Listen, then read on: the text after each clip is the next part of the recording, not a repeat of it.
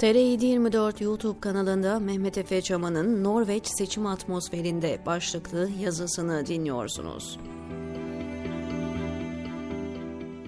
Norveç seçim atmosferinde artık parkurun son etabına gerilirken seçimleri çözümlemeye, analiz etmeye çabalayanların edindikleri bilgileri nasıl yorumladıklarını görmek bazen acı veriyor, bazen öfkelendiriyor, bazense güldürüyor. Bu karışık duyguların yarattığı ortamda yapılan yorumları ayıklamak, gözden geçirmek, gruplamak, içerdikleri bilgi ve bulguları mantık süzgecinden geçirmek ve doğrulamak karmaşık bir iş gibi görünse de ve zaman alsa da bir ortak noktalarını saptamak zor değil. Seçimle ilgili çözümlemelerin çoğu işin başında gömleğin ilk düğmesini yanlış ilikliyor ve seçimler sanki Türkiye'de yapılacakmış gibi hareket ediyor. Bir olumsuzluk, bir negatif enerji. Ne oluyor arkadaşlar ya? Çok garip analizler var. Oysa durum farklıdır. Bu yaklaşımın sonucu olan çözümlemeleri Selahattin Demirtaş 10 Kürt vekil, onlarca Kürt belediye başkanı, yüzlerce Kürt yerel yönetici falan da büyük bir takdirle izlemekte midir? Ya Osman Kavala, Hidayet Karaca, Mehmet Baransu falan gibi binlerce fikir suçlusu da Kodes hücrelerinin loş ve nemli ortamından bu güzel Norveç vari seçim havasının tadını çıkarmakta mıdırlar? Oysa birçok gösterge, işaret, emare, bilgi, bulgu, somut durum analizi falan orta yerde öylece durup gözlerinizin içine bakıyor ve sessizce duymak istemediğiniz gerçekleri kulaklarınıza fısıldıyor. Hey, beni duyuyor musun? kulaklarını iki eliyle kapatmış, avuçlarının arasındaki kafasını bir ileri bir geri sallayan çaresiz ve bahtsız insan. Bir etrafına bak yahu, Rusya'da mısın? Belarus veya Azerbaycan'da mı zannediyorsun kendini? Korkma, Norveç'in sırtı yere gelmez. Norveç kendi içinde elbette bazı ufak tefek sıkıntılar da yaşamıştır. Ne olmuş yani? 15 Temmuz 2016 çakma darbe teşebbüsü esnasında Genelkurmay Başkanı olan ve derdest edildiğini, enterne edildiğini, kendisine cebir kullanıldığını, boğazının sıkıldığını falan söyleyen, sonra da değme Yeşilçam artistlerinin rollerini gölgede bırakırcasına Norveç parlamentosu kürsüsünden birilerinin eline tutuşturduğu replikleri başarıyla özet geçen Hulusi Akar'ın keyfi yerinde. Biliyorsunuz, resmi tarihe göre elinin altındaki amiral ve generallerin %50'den fazlasının terörist olduğunu anlayamamış olan Hulusi'den bahsediyorum. Hani Norveç Silahlı Kuvvetleri kurmayların %40'ını darbecilikle suçladılardı da kimse e birader bu kadar teröristi nasıl gözden kaçırmış bu sistem diyemediydi. Bildiniz mi? Gülmeyin. İşin esprili kısmı bu değil. Esas fecaat resmi söyleme göre bostan korkuluğu olduğu devlet kayıtlarına girmiş bu elemanın 15 Temmuz'un akabinde derhal Milli Savunma Bakanlığı'na terfi ettirilmesiydi. Şimdi gülebilirsiniz. Şimdi sosyal medyaya bir videosu düşmüş Hulusi'nin topluluk karşısında konuşuyor. Atıp tutarken karşısındaki kalabalık öl de ölelim, vur de vuralım sloganları atmaya başlıyor. Hulusi en tatlı tebessümü takınarak ve sümsüğünü havaya kaldırarak gelecek gelecek onun da zamanı gelecek diyor. Norveç'te sıradan bir gün ama seçimlere birkaç hafta var ve 15 Temmuz çakma darbe teşebbüsünün baş aktörü ölme vurma mesajı veriyor. Olsun bu kadar kusur her ileri demokraside olur canım deyip geçelim madem. Abdurrahman Uzun denen Norveçli bir eleman var. Bugünlerde öfke kontrolünün nedenli önemli olduğunu bize hatırlatan bir videosu sosyal medyaya düşmüş. Katıksız AKP beslemesi olan bu paçoz ağzından tükürükler saçarak soğan lobisine giydiriyor. İnanın izlerseniz neşenizi bulursunuz ve yahu Norveç'te olmak ne iyiymiş be dersiniz. Bu ülkenin Ticaret Bakanı nerede? Bu ülkenin Ticaret Bakanlığı'nın elemanları nerede? diyor. Haklı adam beyav, soğan üzerinden bu ülkenin reisine operasyon çekiliyormuş. Ticaret Bakanı'nın ve personelinin İHA'larla, SİHA'larla ayağına çekeceği çizmelerle sahaya inecekmiş. Vay Norveç vay. Bence bunların önemi yok. Bence biz kamuoyu yoklamalarına bakalım.'' Norveç demokrasisi sağlamdır, kurumsaldır değil mi? Hem bunlar nankör oğlu nankör be. Norveç marketlerinde soğan sudan ucuz. Su musluktan da içilebiliyor bu arada bir Norveç ilahiyatçısı var, adı İhsan Şen Ocak. Adam İslam'ın şartlarına yeni bir madde eklemiş. E herkes konuşuyor, İhsan Hoca'ya mı taktın demeyin. Söyledikleri Norveç düşünce özgürlüğü kıstaslarına göre elbette ki anayasa güvencesi altındadır. Ne? Anayasa rafa mı kalktı? Canım o sizin için öyle. Anayasanın güvenceleri Erdoğan ve ekürüsü için halen iyi bir kılıf olmayı sürdürüyor. Yaşasın Norveç demokrasisi. Sade de geleyim. İhsan Beyefendi diyor ki, bir Müslümanın Allah'ın huzuruna götüreceği en büyük ameli CHP'ye olan düşmanlığıdır.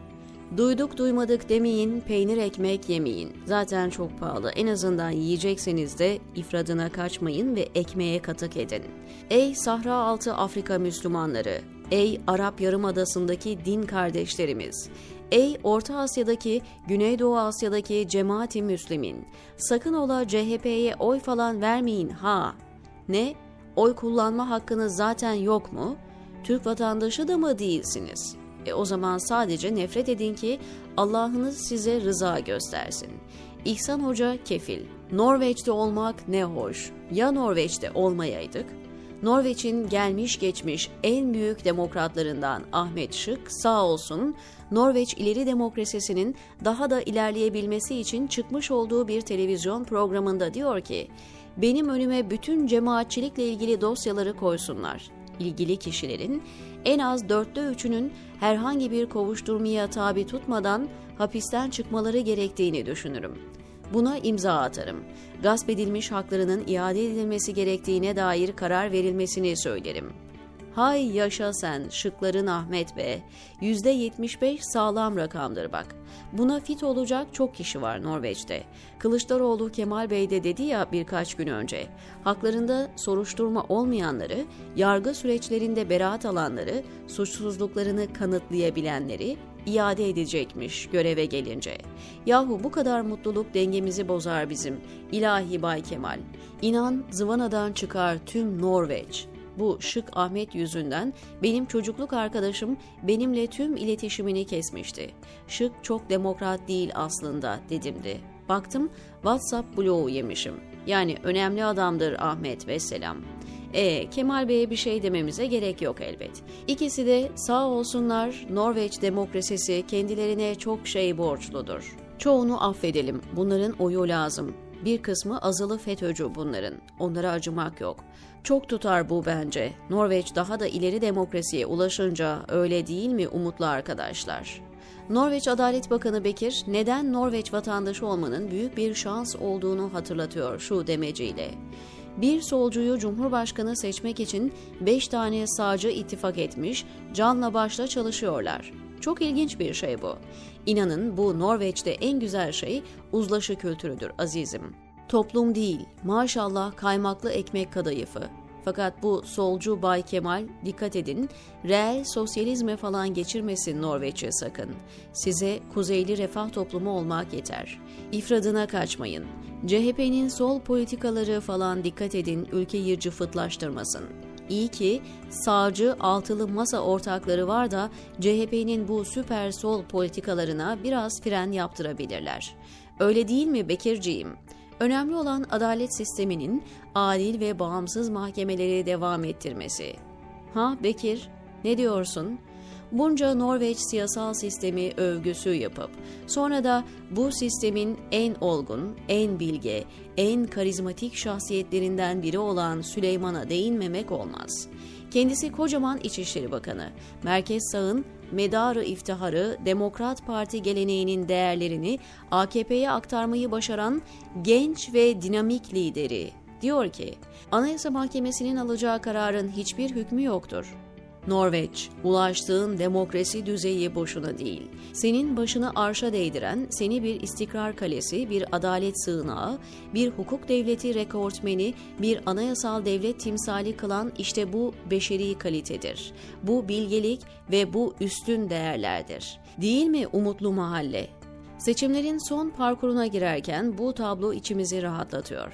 17 Aralık 2013 ve 15 Temmuz 2016 arası dönemde oluşturulan ve konsolide edilen bu güzel demokrasi ve bu saat gibi işleyen hukuk devleti bize güven telkin ediyor. Bu neticede Norveç'in ilk seçimleri değil, kurallar ve teamüller sımsıkı birbirine kenetlenmiş bir toplum olmanın getirdiği sosyolojik realite, sorumlu politikacılar, şahsiyetli bireylerden oluşan yargı, akademi, medya, siyasi partiler, geniş ve örgütlü sivil toplum, açık toplumun tüm güzellikleri, temel özgürlüklerin bu denli canlı ve işler durumda oluşu, bunları nasıl görmezden gelebiliriz? Bu seçimlerin özgür ve adil olacağından hala kuşkusu olan mı var?'' Bu kişilerin derhal bir psikologdan randevu alması, hatta gerekirse psikiyatrik düzeyde tedaviye başvurmaları ve derhal ilaç kullanmaları falan lazım olabilir. Tablo o derece nettir. Seçimlerin olası sonuçlarını ortaya koyan kamuoyu yoklamaları ve anketler Norveç'te ufukta bir iktidar değişikliğini ortaya koyuyor. İyi ki çok yerleşik bir hukuk devleti ve demokrasi var da seçim güvenliği bazı diğer ülkelerde olduğu gibi radarımızda hiç yer almıyor. Yoksa bakın mesela Rusya'da, Belarus'ta tek millet iki devlet, Norveç'in tek yumurta ikizi Azerbaycan'da, Norveç'in kardeş İslam ülkesi Pakistan'da falan da çok partili seçimler var. Hiçbirinde Norveç'teki gibi bir seçim güvenliği yok ama. Olsun canım, bize ne ki bunlardan? Bizi Norveç ilgilendirir. Erdoğan Ankara'nın en iyi pastanesine denizatı pastanesi iyiymiş diye duydum. Şöbiyet siparişi vermiş. Bir ihtimal Bay Kemal kazanırsa ayıp olmasın, iktidar devir teslimine saraya geldiğinde elimiz boş olursa şık olmaz demiş. Norveç'te siyasetin en güzel tarafı bu zarif ve duygusal enstantanelerdir. Norveç'im benim, ne güzelsin, diyor Mehmet Efe Çaman, TR724'deki köşesinde.